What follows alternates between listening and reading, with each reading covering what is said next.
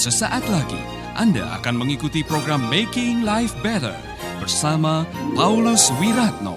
Selama 15 menit ke depan, Anda akan belajar membuat kehidupan lebih baik.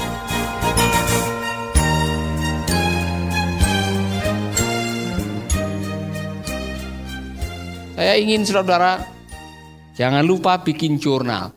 Jurnal itu adalah salah satu cara menginternalkan kebenaran yang baru saudara baca masuk dalam hati.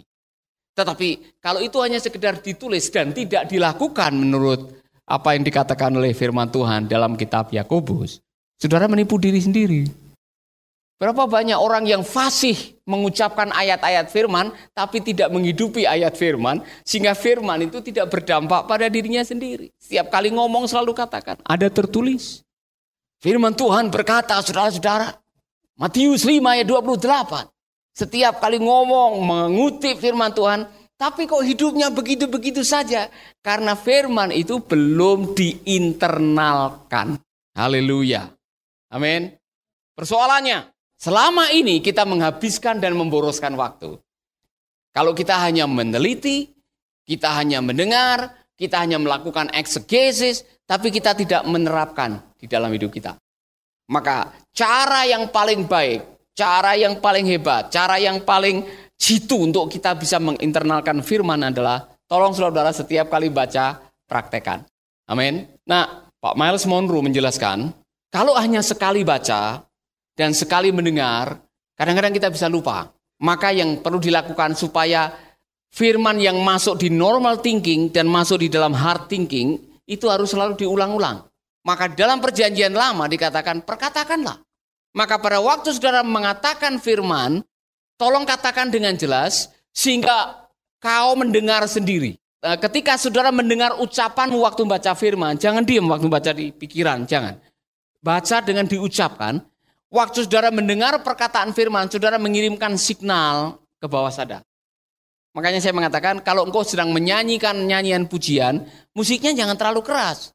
Sebab kalau musik terlalu keras, orang tidak bisa mendengar nyanyiannya. Yang memberkati itu adalah pada waktu engkau menyanyi, engkau mendengar suara kata-katanya, engkau meresapi, dan engkau dijamah oleh kata-kata itu. Tapi kalau musiknya sudah terlalu keras, orang tidak mau mendengar aja susah. Akhirnya nyanyian itu tidak memberkati kita. Nyanyian itu bikin kacau hati kita karena musiknya. Amin. Saudara-saudara mesti belajar bagaimana menyelaraskan antara volume musik dengan volume nyanyian. Belajarlah dari gerejanya Pak Niko nih. Kemarin kami ibadah enam kali. Dan itu gerejanya memang penuh-penuh saudara-saudara. Dan kalau saudara ibadah di sana, itu musiknya luar biasa. Padahal banyak, ada seksofonnya, ada violin, pemain banyak singer. Tapi karena mereka sudah dilatih bagaimana menyelaraskan. Sehingga kita bisa menikmati dan setiap orang yang datang menyembah, mereka bisa merasakan dari Tuhan. Waktu Anda menyanyi, waktu Anda memperkatakan firman, waktu Anda memperkatakan ayat-ayat kebenaran, dengarkan dan setelah itu ulangi, perkatakan lagi, perkatakan lagi sampai masuk di bawah sadar. Amin. Saudara belajar dari saudara-saudara kita, orang-orang Yahudi, saudara kita Muslim yang selalu mengucapkan ayat-ayat itu, bahkan pakai loudspeaker. Diucapkan kembali, diucapkan kembali, diucapkan kembali. Ya bahkan ada yang harus pakai seribu kali. Diucapkan lagi. Itu sedang menginternalkan. Menginternalkan kebenaran karena kebenaran itu baru bisa berdampak dalam kehidupan ketika dia sudah dikirim ke hati saudara. Amin. Jadi kalau saudara kok tidak maksimal seperti ini, hidupnya dari dulu begitu-begitu saja, karena saudara tidak hidup di atas kebenaran yang Anda yakini. Firman itu punya kekuatan yang luar biasa. Hidupmu ditentukan oleh firman. Itu benar apa katanya yang yang mengatakan bahwa Saudara-saudara, hidup kita bukan hanya oleh karena roti saja, tapi oleh kebenaran firman. Firman itulah yang akan menghidupi kita. Firman itu adalah yang menolong kita. Amin. Nah, saya dapat pewahyuan ini dan saya kemarin berbagi dengan hamba Tuhan yang ada di GBI Geraha Betani di Lipo. Matius 11 ayat 28. Semua tahu ayat itu. Tapi kenapa ayat itu tidak dijalankan? Karena ayat itu masih hanya sebatas dalam pembicaraan atau masih ada di otak kita, belum ada di hati kita. Saudara tahu Matius? Matius pasal 11. Aku akan memberikan kelegaan kepadamu. Saya diberkati dengan bahasa Inggrisnya. Saya sharing dengan gembala sidang. Are you tired? Burn out on religion? Come to me. Get away with me. And you will recover your life. I will show you how to take a real rest. Walk with me. Work with me. Watch how I do it. Gembala sidang sudah bertahun-tahun melayani Tuhan. Kemudian cabangnya aja atau gerejanya sudah 72 diberkati Tuhan dengan luar biasa, tapi beliau pernah sakit sehingga waktu khotbah tiba-tiba blank, seperti komputer yang tiba-tiba hilang itunya, layarnya, dan tidak bisa menyelesaikan. Dan dokter-dokter yang, menolong atau yang didatangi mengatakan hal yang sama, rest, istirahat. Saudara, saya bisa menyampaikan itu karena saya pernah hampir mengalami itu. Karena capek. Selama ini kita melayani Tuhan, dan kita pakai filosofi kita kerja buat Tuhan. Kerja buat Tuhan karena kita jadi korban lagu lama. Kerja buat Tuhan selalu manis biar tanpa gaji asal pakai dasi. Anda masih bersama Paulus Wiratno di Making Life Better. Jadi seolah-olah kita supaya ingin menyenangkan Tuhan, kita kerja mati-matian, kita kerja untuk Tuhan, semua untuk Tuhan, semua untuk Tuhan. Dan akhirnya kita burn out, kita keletihan, kita kecapean karena kita kerja untuk memuliakan. Padahal Tuhan tidak meminta itu, yang diminta adalah walk with me, work with me. Ini pekerjaan Tuhan. Pelayanan ini milik Tuhan. Karunia ini dari Tuhan. Kuasanya datang dari Tuhan. Kalau Tuhan masih mempercayakan pekerjaan ini, maka Tuhan akan memampukan kita selama kita melakukan apa yang Tuhan mau kita melakukan. Walk with me, work with me. Maka yang kita lakukan adalah sesuatu yang memang dari Tuhan, bukan melakukan sesuatu yang menjadi ambisi pribadi. Saya belajar sesuatu, apa beda antara visi dan ambisi? Tahu saudara bedanya visi dan ambisi? Ambisi itu datang untuk kepentingan diri sendiri, Visi itu datang dari Tuhan. Kalau saudara melakukan sesuatu hanya untuk memuaskan diri sendiri, itu ambisi. Tapi kalau saudara melakukan sesuatu untuk memuliakan nama Tuhan dan datang dari Tuhan, itu yang baru dari dari Tuhan namanya visi. Yang kita perlu lakukan sekarang adalah visi. Maka kita harus bertanya, apakah ini dari Tuhan? Kalau ini dari Tuhan, walk with me, work with me. Ini pewahyuan buat saya. Satu ayat ini membuat saya bisa tidur nyenyak, saudara-saudara. Tiap kali akhir bulan mikirin nanti uang pemasukan berapa, bisa membayar atau tidak, bisa menolong semua tim kita atau tidak bisa membayar anak yatim, piatu, dan saudara-saudara. Dulu saya mikirin, aduh bagaimana, sekarang saya tidak mikirin. Biar tim keuangan yang mikirin. Saya yakin kalau itu dari Tuhan, Tuhan cukupkan. Sampai saya merenung juga. Kalau sampai suatu saat kok akhirnya kita tidak bisa membayar staf dan sebagainya, dan staf ini mau bubar, mau pulang kampung, puji Tuhan. Mungkin memang musimnya sudah selesai pelayanan kita. Tuhan akan membawa kita kepada pelayanan yang berikutnya. Ngapain repot? Pelayanan ini dari Tuhan, pelayanan ini milik Tuhan, sumber daya dari Tuhan, semua harus kembali kepada Tuhan. Amin. Haleluya. Tugas kita sekarang adalah Mari kita menekuni apa yang sudah ada di depan kita dengan maksimal. Karena semua yang dilakukan dengan maksimal Kebenaran ini akan menjadi milik kita. Apa pun yang ada di depan matamu, yang kau jumpai dengan tanganmu, lakukanlah seolah-olah untuk Tuhan. Bukan untuk manusia, tapi untuk Tuhan. Lakukan apa yang ada di depan matamu untuk Tuhan. Ini firman Tuhan.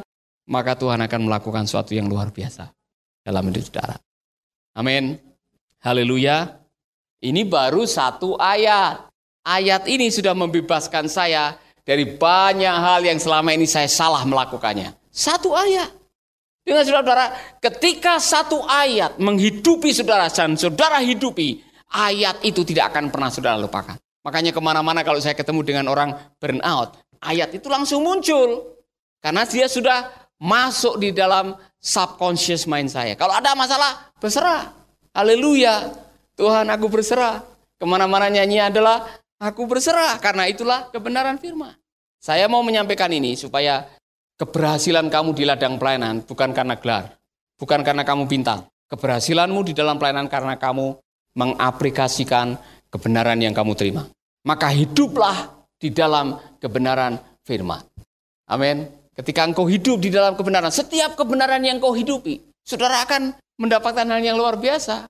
Nah, masalahnya di dalam Amsal, kembali kepada Amsal 3, ada kebenaran yang banyak dibaca tapi susah dilakukan. Muliakanlah Allah dengan hartamu, itu ada ayat maka lumbung-lumbungmu akan penuh dan pemerasan anggurmu akan meluber. Itu firman. Amin. Bisa diparalelkan dengan Maleakhi 3 ayat 10. Bawalah persembahan persepuluhan. Saudara melakukan ini atau tidak? Inilah masalahnya. Kita pilih-pilih untuk melakukan firman yang menyenangkan yang kita lakukan.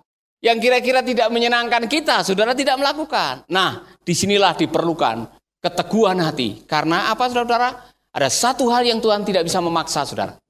Ada satu hal yang Tuhan tidak akan pernah paksa saudara. Ialah Tuhan tidak pernah membuat keputusan buat saudara. Karena Tuhan memberikan free will. Tuhan memberikan kehendak bebas buat saudara. Tuhan tidak pernah paksa saudara. Jadi jangan pernah menyalahkan Tuhan kalau saudara salah membuat keputusan. Karena keputusan Anda ada di dalam kehendak Anda. Di dalam jiwa saudara ada tiga unsur. Perasaan, kehendak, pikiran. Saudara-saudara dengar baik-baik. Waktu Anda mendengarkan firman Tuhan, diproses oleh pikiran. Apa yang Anda pikirkan langsung bisa berdampak pada perasaan. Yang paling berat adalah ketika Anda harus membuat keputusan kehendak. Semua yang Anda lakukan melalui kehendak saudara, itu minta restu pikiran saudara. Maka betapa penting untuk membangun perpustakaan kebenaran di dalam pikiran saudara. Semakin banyak kebenaran yang saudara masukkan di pikiran, semakin bagus kehendak membuat keputusan. Jelas ya? Nah, kalau saudara tidak memasukkan yang baik, jangan kaget kalau kehendak menggunakan cara yang salah. Karena setiap hari jiwamu membuat keputusan mengikuti kemauan daging atau kemauan roh. Saudara-saudara dikatakan ketika engkau bisa memproses firman kemudian dilakukan berkali-kali kehendak, the will, mengirimkan kebenaran ke roh. Kebenaran diproses masukkan di dalam roh. Setiap hari saudara harus membuat keputusan mau mengikuti kehendak siapa. Maka dengarkan apa yang dikatakan oleh Rasul Paulus. Semua yang baik, semua yang sedap didengar, semua yang murni, semua yang mulia. Pikirkanlah itu. Karena kalau itu sudah masuk dalam pikiran, kemudian diproses oleh roh, roh nanti akan mengirimkan signal kebenaran yang sudah diinternalkan untuk menolong kehendak membuat keputusan. Ketika kebenaran masuk di dalam roh, di dalam hati, diinternalkan, itu otomatis kehendak akan menggunakan. Maka saudara, kebenaran yang sudah diinternalkan akan otomatis dipakai oleh kehendak untuk membuat keputusan. Kalau dia sering melihat, sering mendengar, kalau kamu marah atau kalau kamu jengkel, pukul dia, pukul dia, pukul dia. Dan kamu sudah menyaksikan orang marah, pukul dia, maka saudara sudah memasukkan kebenaran marah, pukul, marah, pukul, itu masuk di dalam subconscious. Sehingga tanpa pikir panjang, waktu Anda marah, langsung pukul. Karena kehendak sudah dapat otomatis seperti autopilot. Maka tugas saudara adalah, masukkanlah lebih banyak kebenaran firman, sehingga kehendak saudara akan tertolong. Amin. Persoalan. Saya sudah mendengar firman Tuhan Pak. Saya sudah dibaptis. Saya sudah penuh dengan roh. Tapi kok pikiran saya selalu ngeres. Minggirkan yang porno-porno. Ini nih kuasa iblis Pak. Jangan cepat-cepat menyalahkan iblis saudara. Mengapa kok yang porno-porno terus masih ada? Karena tiap hari engkau memasukkan yang porno-porno. Dan kalau itu sudah masuk di harddisk saudara, Udah ngeres hati saudara, sehingga apa saja lagi kerja. Eh tiba-tiba ya kan? Pikiran porno. Semua porno. Karena memang sudah masuk di harddisk saudara. Nah kalau harddisk saudara selalu banyak yang porno-porno, yang ngeres-ngeres, yang kotor-kotor, apa yang harus dilakukan? Banting komputer? Apa yang harus saudara lakukan kalau komputer saudara sudah terlalu banyak jang, terlalu banyak yang tidak baik? Saudara harus mengganti program harus diganti. Ya kan? Kalau perlu semua virus-virus itu harus dikeluarkan. Jangan diinstal lagi itu program itu. Supaya saudara tidak bisa melihat itu lagi, ya kan? Nah, itulah yang diperlukan. Bertobat itu artinya mengganti yang lama dengan yang baru. Kalau yang lama kok masih ada, yang sudah masuk di subconscious mind, belum dikeluarkan, yang baru-baru datang tidak berdampak banyak dalam kehidupan saudara. Maka semua yang mulia, semua yang baik, semua yang sedap didengar, semua yang suci, pikirkanlah itu. Saya ulangi lagi, kualitas hidupmu dan kualitas masa depanmu tergantung dari kualitas meditasimu. Kualitas devosimu, kualitas engkau menjalankan kebenaran firman. Semakin banyak firman yang kau lakukan, semakin banyak firman yang kau hidupi, semakin luar biasa hidup saudara. Tidak peduli siapa pun saudara dan apa pun latar belakang saudara. Mau menjadi maksimal, lakukanlah apa yang Tuhan katakan. Amin.